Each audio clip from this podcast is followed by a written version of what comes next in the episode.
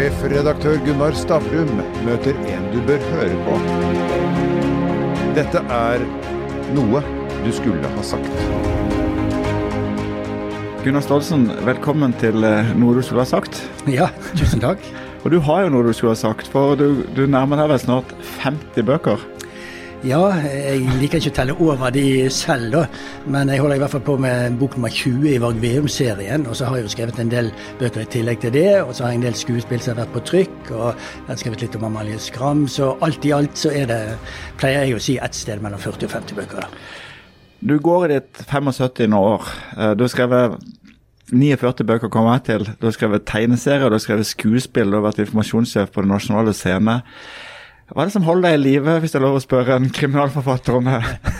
Nei, altså nå er jo dette forskjellige faser av livet. Så den gangen jeg var eh, informasjonssekretær, som det het den gangen, det var en litt, litt mindre sjefsbetegnelser den gangen, eh, det var jo i min, mine unge år, frem til jeg var 40, i en 13-årsperiode der. Og da var jeg jo, jeg levde jeg jo et dobbeltliv, for da skrev jeg jo eh, mine bøker om kveldene og i helgene og i feriene. Og så hadde jeg full jobb ved siden av.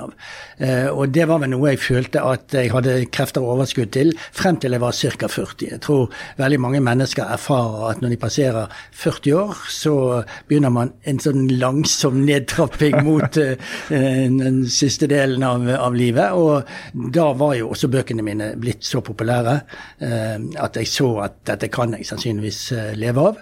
Og i tillegg til det så hadde jeg fått en stor oppgave av Den nasjonale scenen. Jeg skulle dramatisere 'Hellemyrsfolket' av Amalie Skram, som endte opp med en enkel liten teaterforestilling på åtte og en halv time.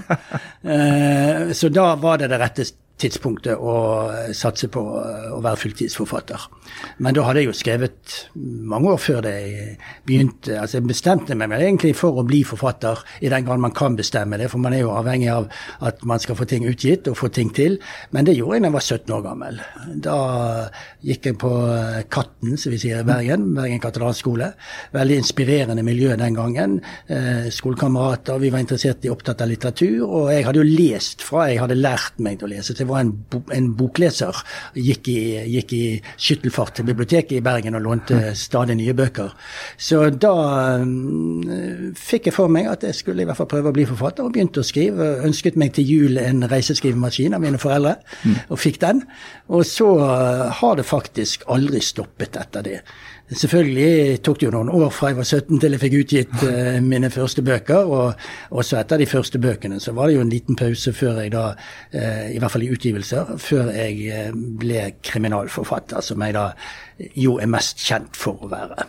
Ja, og, men hvis vi, og hvis vi starter der, egentlig, eller fortsetter der. Du har, uh, I år er det 100 år med påskekrim. Ja. Du, du har rett til å spørre litt om historiske linjer. Hva legger du i påskekrim?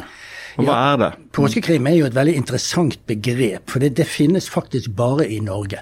Det er ingen andre steder i verden man har dette begrepet påskekrim.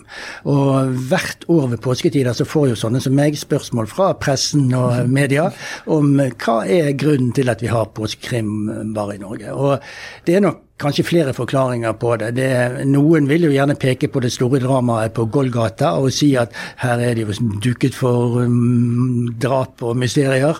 Men eh, det finnes jo mange store land i kriminallitteraturens historie, England, Frankrike, der de overhodet ikke har påskekrim. Hadde det vært noen kobling til kristendommen, så måtte det jo vært eh, i de landene også. Ikke engang rett over grensen til Sverige har de påskekrim. Men noe vi har i Norge som de ikke har så mange andre steder, det er lang påskeferie. Og allerede på 1920-tallet, når denne boken som da på en måte startet det hele, kom ut, så var det nok en del mennesker som reiste på hytten sin på fjellet eh, i påsken. Og da skulle de ha med seg noe lett lesestoff. Og da var det allerede en slags tradisjon at det kunne være lett underholdningslitteratur eller gamle klassikere i en litt billig utgave. Eh, men så var det da to uh, unge, unge studenter i Oslo, tilfeldigvis fra Bergen begge to. Nordahl Grieg og Nils Lie. De manglet penger. altså Ifølge historien så var de på skitur i Vestmarka i februar 1923. Da fikk de denne ideen, og boken kom ut i mars 1923. Så det var meget kjapt, eh, både skrivearbeid og produksjonsarbeid, hvis den historien virkelig er sann. Og det er Nils Lie selv som presenterer eh, denne varianten. Men iallfall, de fikk den ideen at de skulle skrive en bok om noen fattige studenter i Oslo som for å tjene penger skulle rane da Bergenstoget. Eh, nattoget til Bergen. Og så fant de ut at det måtte være toget til første påskedag dette året, fordi første påskedag var 1. april. Og så var tanken da at hvis eh, politiet eller det ble sendt melding om at Bergenstoget var plyndret, så ville folk først tro at det bare var en aprilspøk. Mm. Så de hadde på en måte den ideen. Og så begynte de å skrive, og så gikk de da til eh, Harald Grieg, som var bror til Nordahl Grieg, og som var da sjef på Gyldendal.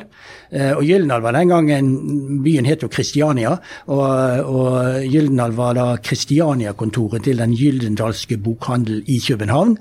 Mm. Og Harald Grieg eh, sies det da, ifølge Nils Lie, var ikke så veldig imponert over dette her kjappe litterære arbeidet. Men siden det var nå lillebroren som hadde vært en av forfatterne, så ble det nå til at boken kom ut. Og så gjorde jo Harald Grieg da et markedsføringsgrep som er helt unikt. Han bestilte da eh, annonseplass på toppen av alle morgenavisene i Oslo, eller Kristiania. og der fikk han en stor annonse over hele bredden der det sto 'Bergenstoget plyndret i natt', med store bokstaver. Og så står det med ganske små bokstaver ute i det ene hjørnet, inne, inne i en ramme, så står det da krona 2 Gyldendal. det var prisen på boken den gangen.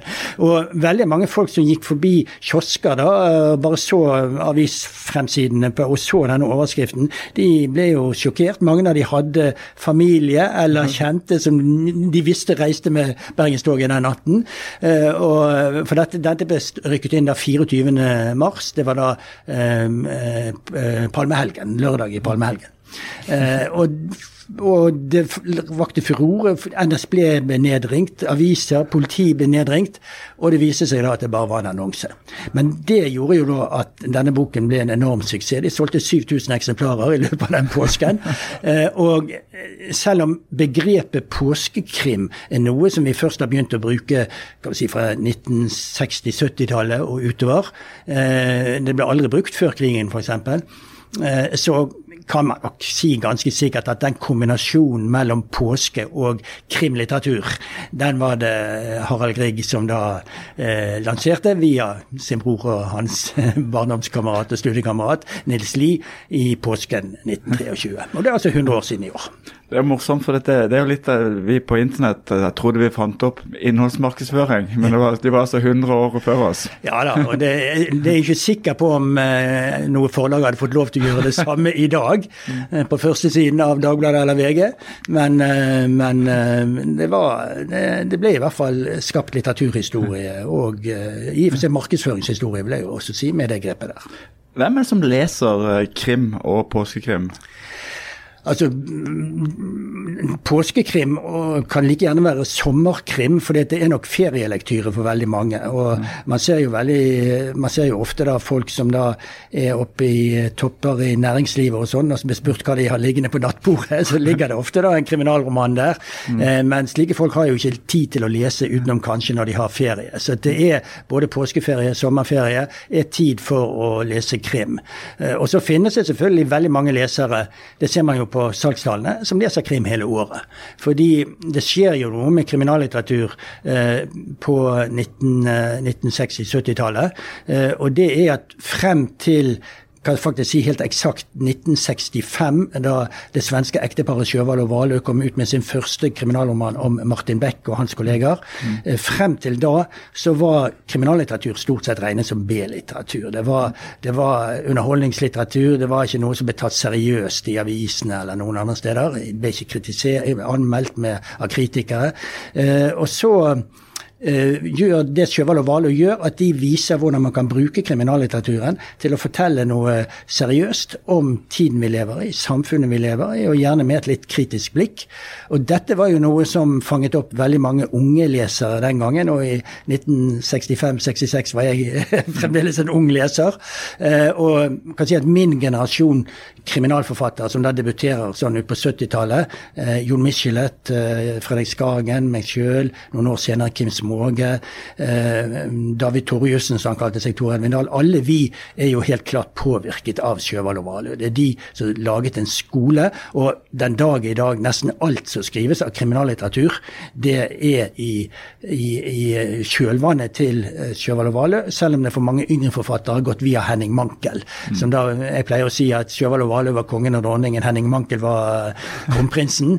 Eh, og de ble jo internasjonale suksesser. Så hvis man reiser man til, til England, Frankrike og snakker med kriminalforfattere der, og så viser de også til Sjøvald og Valø som en slags læremester. Så, så, det er et vannskille. Og det ser vi også i Norge. For fra eh, 1970-tallet så begynte da f.eks. universitetet å altså, behandle krimlitteratur seriøst. Man kunne skrive hovedoppgaver, kanskje til og med en doktorgrad om kriminallitteratur. Mange sentrale tidsskrift begynte å ha numre om kriminallitteratur. Og eh, man så også da at det fikk en større utbredelse blant også seriøse boklesere. Det var, det var ikke lenger bare ren B-litteratur. Man så at faktisk moderne kriminallitteratur også kunne være god litteratur og fortelle noe viktig om den tiden vi lever i. Du, du møter mange av leserne dine. Er det overvekt kvinner? Ja, altså nesten alt kulturliv er jo avhengig av kvinner. Går du i en teaterforestilling, så er, er 70-80 av de i publikum er kvinner. Og de mennene som er der, er fordi konen har tatt de med seg. Kanskje litt omvendt på en fotballstadion, så det er litt med interesser. Men, men også når det gjelder boklesere, jeg er jo på ganske mange bokarrangementer, så er det jo klart det at uh, kvinner er i flertall. Men heldigvis så er det jo også mange menn som liker å lese, da. Jeg hører jo til selv til blant annet, selv om jeg er forfatter, så er jeg også en stor leser og har lest gjennom hele mitt liv. og har jo En av de største gledene i livet er jo egentlig det å sitte og lese en god bok. Og jeg pleier å si det, og jeg har jo alltid en bunke med bøker liggende ulest og venter på å bli lest. Eh, du kan aldri ha en kjedelig dag hvis du vet at du har en bok som du ikke har lest. For da er det en god nok bok, så blir du dratt inn i en annen verden. Og det som er det kreative med å lese bøker, er jo det at man, man lager sin egen film oppi hodet. Én mm. ting er å sitte og se på filmer filmer eller TV-serier som noen andre eh, har laget bildene til. Derfor blir man jo nesten alltid skuffet hvis man ser en filmatisering av en bok man har likt.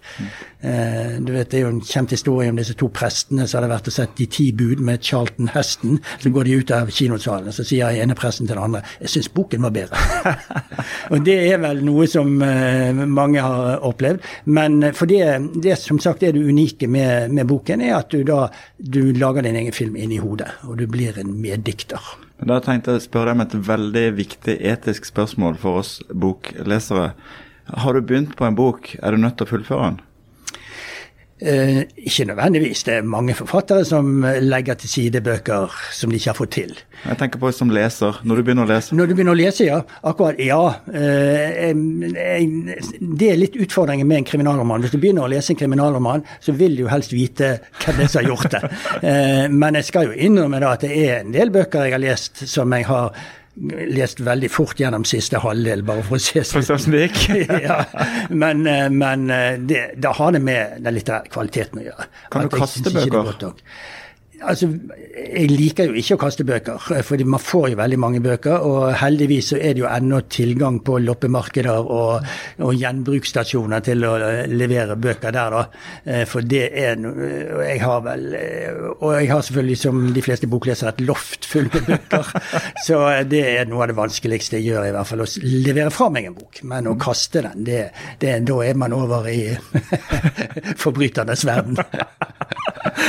Jeg har lyst til å snakke veldig mye om din, dine bøker, men bare, vi kan begynne med et spørsmål som er mer overordna. Hvis du ikke får nevne dine egne bøker, og du skal på en måte snakke til noen som ikke er bokleser, men som har lyst til å nærme seg krimsjangeren, Hvilke par-tre bøker vil du anbefale? Ja, da vil jeg jo se litt på de, hvilken type menneske de er, da. Mm. For det kan ha litt med smak og behag å gjøre. Og jeg må jo si at eh, en klassiker som Agatha Christie eh, blir aldri Hun blir kanskje litt umoderne, men hun blir aldri uaktuell. For Agatha Christie var glitrende når det gjaldt å lage gode krimplott, gode krimintriger, der man nesten alltid får en overraskende slutt. Og det pleier jeg ofte å si til unge forfattere som kommer til meg og spør ja, hva skal vi lese for å bli krimforfatter. Så sier jeg ja, les Agatha Christie, for der ser dere hvordan hun lager plott. Og så anbefaler jeg da mine store forbilder, da er jo de amerikanske privatdetektivforfatterne med Raymond Chandler som den store. Og Raymond Chandler var jo ambisiøs. Han, han uh, ville selv bli kriminallitteraturens Shakespeare, og det ble han på en måte. Man skrev jo bare syv romaner, men alle de, i hvert fall de seks første der, er strålende lesning. Det er humoristisk, det er spennende, det er, er god litteratur. Eh, og så hadde han en etterfølger som heter Ross MacDonald. Eh, og Ross MacDonald var enda bedre enn eh, Raymond Chandler når det gjaldt å lage plott. Så hvis, man, hvis, det er plottet man er ute etter å lære, så er det Agatha Christie, Ross MacDonald, og så skal man lese Raymond Chandler for litteraturen sin del. Og så finnes det selvfølgelig en masse andre nyere forfattere som uh, man kan Eh, med stor eh, fornøyelse lese. Og igjen er det slik at Sjøvald og Valø har holdt seg. Jeg leste noen av de bøkene deres om igjen for et par år siden. og De har faktisk holdt seg veldig bra. Uh, og så er det jo ja, en skotte som Ian Rankin hadde jeg stor glede av å lese i mange år, og har fremdeles. Så det finnes det, det, er et hav av, av, gode forfattere ute, og nå har jeg jo ikke nevnt noen norske, da. jeg er bare nødt til å stille et spørsmål som egentlig avfødt av Agatha Christie. Og det går på Woke-tiden og endring av bøker. Altså hennes, En av hennes mest kjente bøker er jo 'Ti, ti små negerbarn'. Ja. Eh, har du tatt kontakt med forlaget ditt for å få dem til å ikke rette det i ettertiden? Nei, jeg har såpass godt forhold til mitt forlag, og jeg har vel en Jeg har jo selvfølgelig i den anledningen tenkt litt igjennom om det skulle være noe, men jeg ser ikke sånn for meg at det er noen veldige eh, ting som man trenger å gjøre inngrep på eh, når det gjelder eh, i hvert fall eh, rasisme. Det finnes det garantert ikke, men det kan nok være noen kommentarer eh, som går på kvinner som noen ville reagere på i dag. Men det, det, er jo litt at det skal være en troverdig replikkveksling, og noen menn uttaler seg jo ganske krast om kvinner. Og da er jo en del av bokens uh, realisme at uh, slike ting må stå. Så uh, nå er det, jo, er det jo en del forfattere som har foreslått å få det inn i normalkontrakten at bøkene ikke skal forandres ut fra moralske eller politiske holdninger i ettertid. Og hvis det kommer i normalkontrakten, så vil det bli innført i alle fall. Men, men jeg har ikke tenkt så veldig personlig over dette, selv om jeg selvfølgelig er helt imot de forslagene til endringer som vi leste om, eh, om Roald Dahls bøker. De var jo helt latterlige. Eh, og også noe, eh, noe, sitat om noen James Bond-bøker som virket også helt absurd. Så man skal ha en veldig høy terskel for å endre i, i tekster. Men jeg kan forstå at i Astrid Lindgren, når hun snakker om Pippis pappa som er blitt negerkonge, at det blir forandret til sydhavskonge. Det, det kan jeg skjønne. Og Noen bøker går rett og slett også ut på dato. Det er vanskelig å gjøre Øvre rist og frist uh, moderne. Altså Leser du norsk kriminallitteratur fra mellomkrigstiden, mm. så er det Degos og jøder og uh, usjarmerende navn på eh, folk med svart hud. Mm. Så det, der er rasismen helt tydelig. Det, men det var nok uh, Det var jo en, en allmenn holdning da i i, det var tidsbildet? Det var tidsbildet, ja. ja. Men litt til dine, dine, inspirasjoner. altså du, du, kommer altså ut med bok nummer 20 om Varg Veum. Um, jeg leser Varg Veum litt inn i Raymond Chandler-tradisjonen. Altså sånn uh, ja. ensom uh, detektiv på kontor med en flaske akevitt. ja, er det inspirert derfra? Helt klart. Den aller første boken om uh, Varg Veum, som da heter 'Boken til arvesekken' og kom ut i 1977, den var jeg jo veldig usikker på. Da hadde jeg skrevet to politiromaner. Først om to detektiver, eller politietterforskere i Bergen som heter Dumbo og Maskefjes. Mm. Eh, og så hadde jeg jo Raymond Chandler og Ross McDonald som de store forbildene. Så jeg hadde lyst til å prøve å overføre denne her eh, klassiske privatdetektiven til Norge på 1970-tallet og se om det var mulig. Men jeg var slett ikke sikker på om det lot seg gjøre. Eh, og Derfor leser man nok, hvis man leser boken 'Avlsekken' i dag, så vil man se at den er litt pastisjepreget. Det er med et lite glimt i øyet jeg passerer Varg Veum på et kontor på Strandkaien som minner veldig om kontoret til Philip Marlow. Og han har jo da en flaske akevitt liggende i skrivebordsskuffen der eh, Marlow har whisky. Eh, og han kan jo ikke løpe rundt med revolver, for det gjør de jo ikke i Norge på 1970-tallet, men han har jo den kjappe replikken til Philip Marlow, har han jo fått beholde. Så inspirasjonen var helt åpenbar. Men det er noe med kriminallitteratur. Den er en sjanger der man går jo inn i en tradisjon hele tiden. Og snakket med Georg Johannessen en gang om dette når han inviterte meg opp på universitetet for å snakke om kriminallitteratur. Og da sa han det er jo helt naturlig, det, hvorfor skal man finne på noe nytt når noen andre har funnet det på så bra på forhånd? Ja. Så man går inn i en tradisjon. Og um, den første Varg Veum-boken den ble jo da en mye større suksess faktisk enn de to første om Døm og Maskvies. Og da skjønte jeg jo at dette, dette var mulig å gjøre. Det var ingen kritikere som påpekte at sånne privatdetektiver ikke finnes i Norge. Og det fantes jo den gangen omtrent ingen privatdetektiver i Norge. Nå er det jo en god del som pensjonerte politifolk og sånn som jobber som, eh, som uh, privatetterforskere. Men, men uh, leserne og kritikerne er jo like kloke som forfatterne. De vet at denne type privatdetektiv finnes bare i litteraturen. Raymond Channer skrev jo selv i et brev at i virkelighetens verden så ville Philip Marlow aldri vært en privatetterforsker. Han er privatetterforsker fordi, priva fordi forfatteren trengte en privatdetektiv. og slik er det med Varg Veum. Altså, Varg Veum er jo sosionomutdannet ja. Og har jobbet i barnevernet.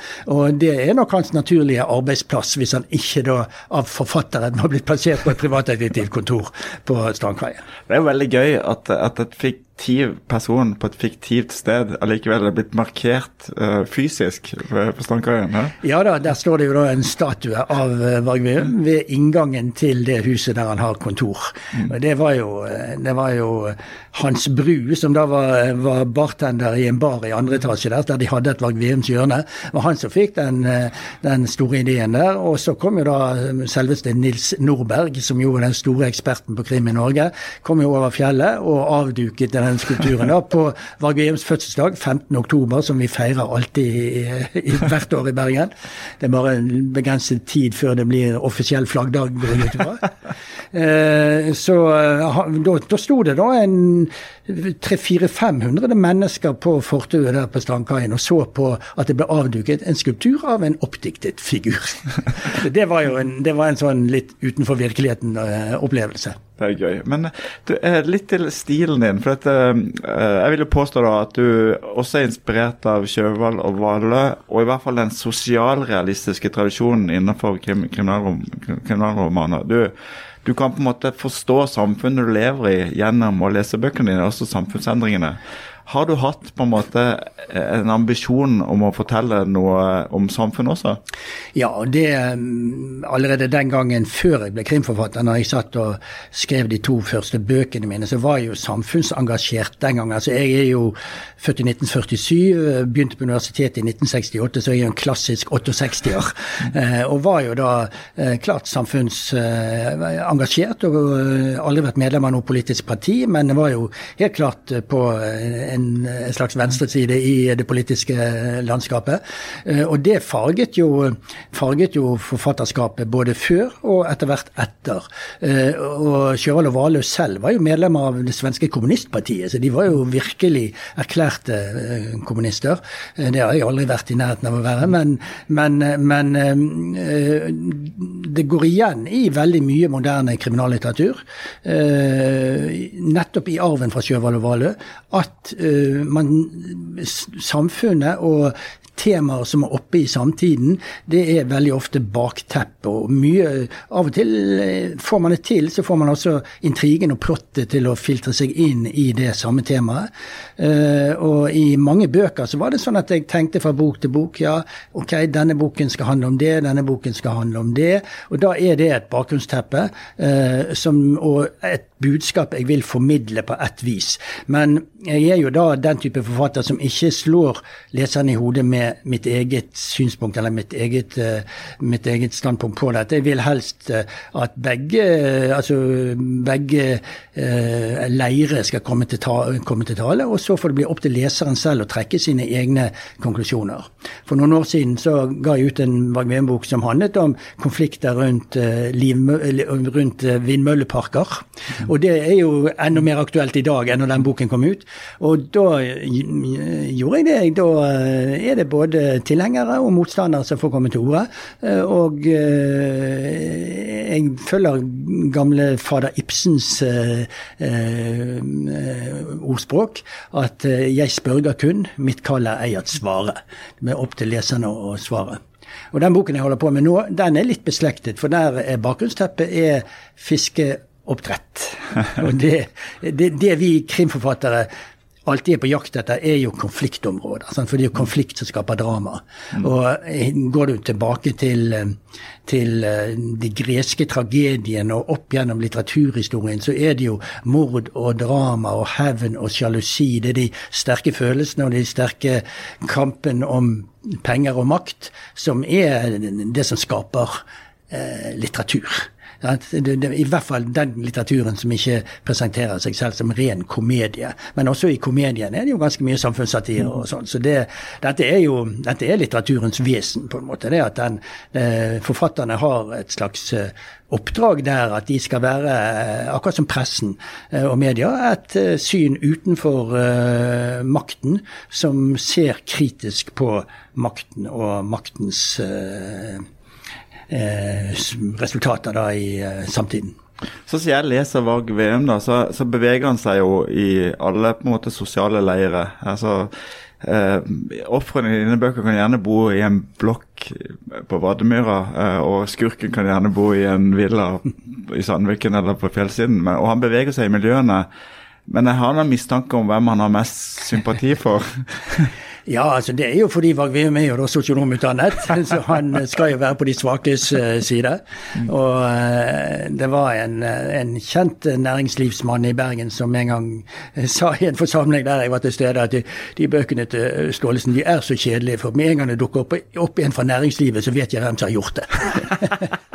det var nok satt litt på spissen fra hans side, men, men etterpå det så skjønte jeg ok, kanskje jeg må ha litt færre fra toppnivået som skurker. Men, eh, men eh, det, det, er vel noe det, det, er også en arv både fra Raymond Chandler og fra Sjøvold og Hvale at du, du, ser i hvert fall kritisk på de som sitter på toppen mm. og har makt, mot de som da er ofre. Men Det er én sjanger du har holdt deg unna, og det er eh, sånne voldseksesser. Jeg personlig syns at Jo Nesbø av og til tipper over i voldsbeskrivelser. Der har du aldri vært? Nei, og det er vel egentlig en slags programerklæring fra min side helt fra begynnelsen av. At jeg er personlig er jeg ikke så veldig glad i veldig uh, kraftige voldsskildringer. Jeg liker ikke å gå inn på de patologiske undersøkelsene av lik. Uh, jeg er heller ikke så veldig opptatt av teknisk etterforskning når det gjelder DNA, uh, eh, avlytting av mobiltelefoner. Alt det som politiet gjør i dag i en moderne etterforskning. men det er også noe med at jeg selv selv foretrekker kanskje mer den psykologiske krimmen, der eh, like mye av spenningen ligger i hvorfor skjedde dette? Kunne dette skjedd med meg? Altså I mine bøker er forbrytelsen av en sånn type der ofte er den skyldige selv et offer for omstendigheter. Det er noe som kunne skjedd meg og deg, at vi i en gitt situasjon blir tvunget inn i et hjørne eh, der det bare er én måte å komme ut av det hjørnet, og det er å gripe til et våpen eller skubbe noen utfor et stup eller i sjøen, eh, sånn at de omkommer. Og det det er den type forbrytelser som, jeg, som jeg liker å skrive om. Og da har det vært en fordel å ha en privat etterforsker. Fordi Varg Veum vil jo heller aldri få tilgang til den type etterforskningsmidler som eh, politiet har. Eh, og jeg trenger ikke da verken oppsøke politistasjonen eller gå og undersøke hvordan de gjør det på åsteder og sånn. Fordi det viktigste for meg er egentlig Varg Veums bakgrunn som sosionom og som eh, et menneske som eh, er såpass eh, flink til å snakke med folk at han får de til å snakke ut. Og eh, prøve å komme bak de løgnene som de presenterer. For det er jo det det ofte handler om i kriminalromaner. Og det må jeg minne meg selv på veldig ofte når jeg sitter og skriver, at jeg begynner selv å tro på det personen sier. og så må jeg si, minne meg selv på husk. De, kanskje de lyver. og, og, det er jo det som er nesten alltid avsløringen i en Varg Veum-bok og i mange andre kriminalromaner, er at de som har løyet, blir, der blir løgnen avdekket, og da står den skyldige tilbake. Jeg syns ofte at bøkene dine nærmest også kunne vært en kursbøker for journalister. For intervjuteknikken til Varg Uem, han, han, gir seg jo ikke på harde møkka og er villig til å også utsette seg selv for ganske tunge ting på formsannheten. Ja da, nei, det er det han er. Han er sta. Og han, eh, og han, han er nysgjerrig, og han er sta, og han gir seg ikke. Mm. Så på mange måter er det nok en riktig vurdering. Det er å si han er en slags oppsøkende journalist ute på jobb. Og han, eh, han klarer jo da å komme seg tett innpå folk og inn på dem, fordi han han, han, ser de svake punktene hos dem, og på en måte får de da til å utlevere seg selv mer enn det de ellers kanskje ville gjort i et politiavhør, der de sitter allerede og er forberedt på at nå skal vi forsvare oss. Men Varg Veum kommer da bakveien inn og lurer de til å snakke. Og skal man jo en, Et viktig, viktig, trekk i mine bøker er jo også at det er en god del mørk humor i det. Og det ligger jo en del i både replikkdialog og i beskrivelser av mennesker som gjør at, at det er det, det, gjør også at volden blir på en måte litt avdempet. altså Det er en slags mer Det er Selvfølgelig, det skjer drap, og Varg finner, finner lik og sånn, men, men, jeg går ikke i detalj i verken hvordan de eh, likene ser ut, eller hvordan eh, drapet er blitt begått. Hvis mine barn hører på dette, mot formodning, hvilken, eh, hvilken Staalesen-bok skal de lese først? Nei, Nå har jeg akkurat en, eh, et barnebarn som da er 16, og som jeg nå har anbefalt at nå må han jo begynne å lese Varg Veum-bøkene.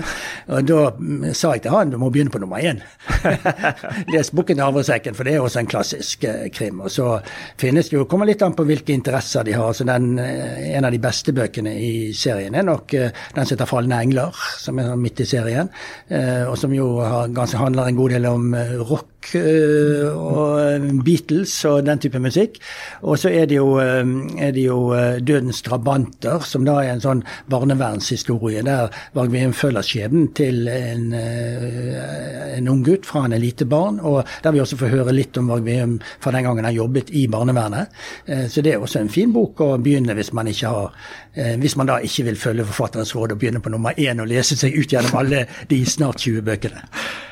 Eh, sett fra Oslo så går det an å faktisk tenke at politikken i Bergen har etterapa bøkene dine, for der er det nettopp barnevernet som har vært årsaken bak den siste store skandalen? Ja da, og det må jeg si at uh, du har jo også politiet i Bergen som har jobbet veldig intenst med dark room-etterforskning, uh, altså etterforskning av overgrep mot barn. Mm. Uh, og det dukket opp om, i media omtrent samtidig som jeg satt og skrev en bok eller to om akkurat den tematikken der. Og det forteller jo selvfølgelig også noe om hvordan både min litteratur og mange andre kriminalromaner speiler samtiden. Så det, jeg, jeg en, har alltid vært en nyhetsulv, uh, leser aviser og følger med på uh, offentlige medier. Og, og, veldig mange av ideene til bøkene mine får jeg jo fra nyhetsbildet. Det er noe jeg har lest i en avis eller sett en reportasje om, som, som setter i gang eh, tanken på ja, det kunne vært eh, bakgrunnen til en, eh, en ny kriminalroman. Du er altså 75 år. Du gir i år ut din bok nummer 50, hvis jeg har telt riktig. Du er gammel maratonløper. 3,12 som pers, som er veldig sterkt. Uh, kan du gi noe råd til oss andre? Hvordan skal vi leve til vi blir 75 og fortsatt skrive bøker en gang i året? Nei, men uh, du er jo litt inne på det der, selv om jeg ikke vil anbefale folk å løpe så veldig mye maraton. Jeg løp ti, og det holdt for meg. Men, uh, men det å holde seg i god fysisk form Eh, passe på sin egen helse, gå turer. Eh, gjøre som legen sier, gå i trapper istedenfor å ta heis. Spise, spise eh, sunn mat. Og så er det selvfølgelig litt genetisk. Man skal være, ha, en, ha, en, god helse i, i bunnen. men å leve et normalt godt liv så, Og så må man jo ha noe som man brenner for. Og jeg må jo si, som vi vel startet samtalen om, at jeg begynte å skrive da jeg var 17 år gammel. Og eh, det gjør jeg fortsatt med like stor glede. Eh, så jeg merker jo ikke alderen på noe annet enn at det kan kanskje litt tyngre å gå opp de trappene. Og, og det, er, det, er, selvfølgelig noen sånne små alderssignaler her og der, men, men i det store og det hele så, så tror jeg den kombinasjonen med et godt liv og det å ha noe å brenne for, eller være opptatt av, det, det gjør at man kan holde det gående enda noen år, håper jeg. Sjefredaktør Gunnar Stavrum møter en du bør høre på. Dette er noe du skulle ha sagt.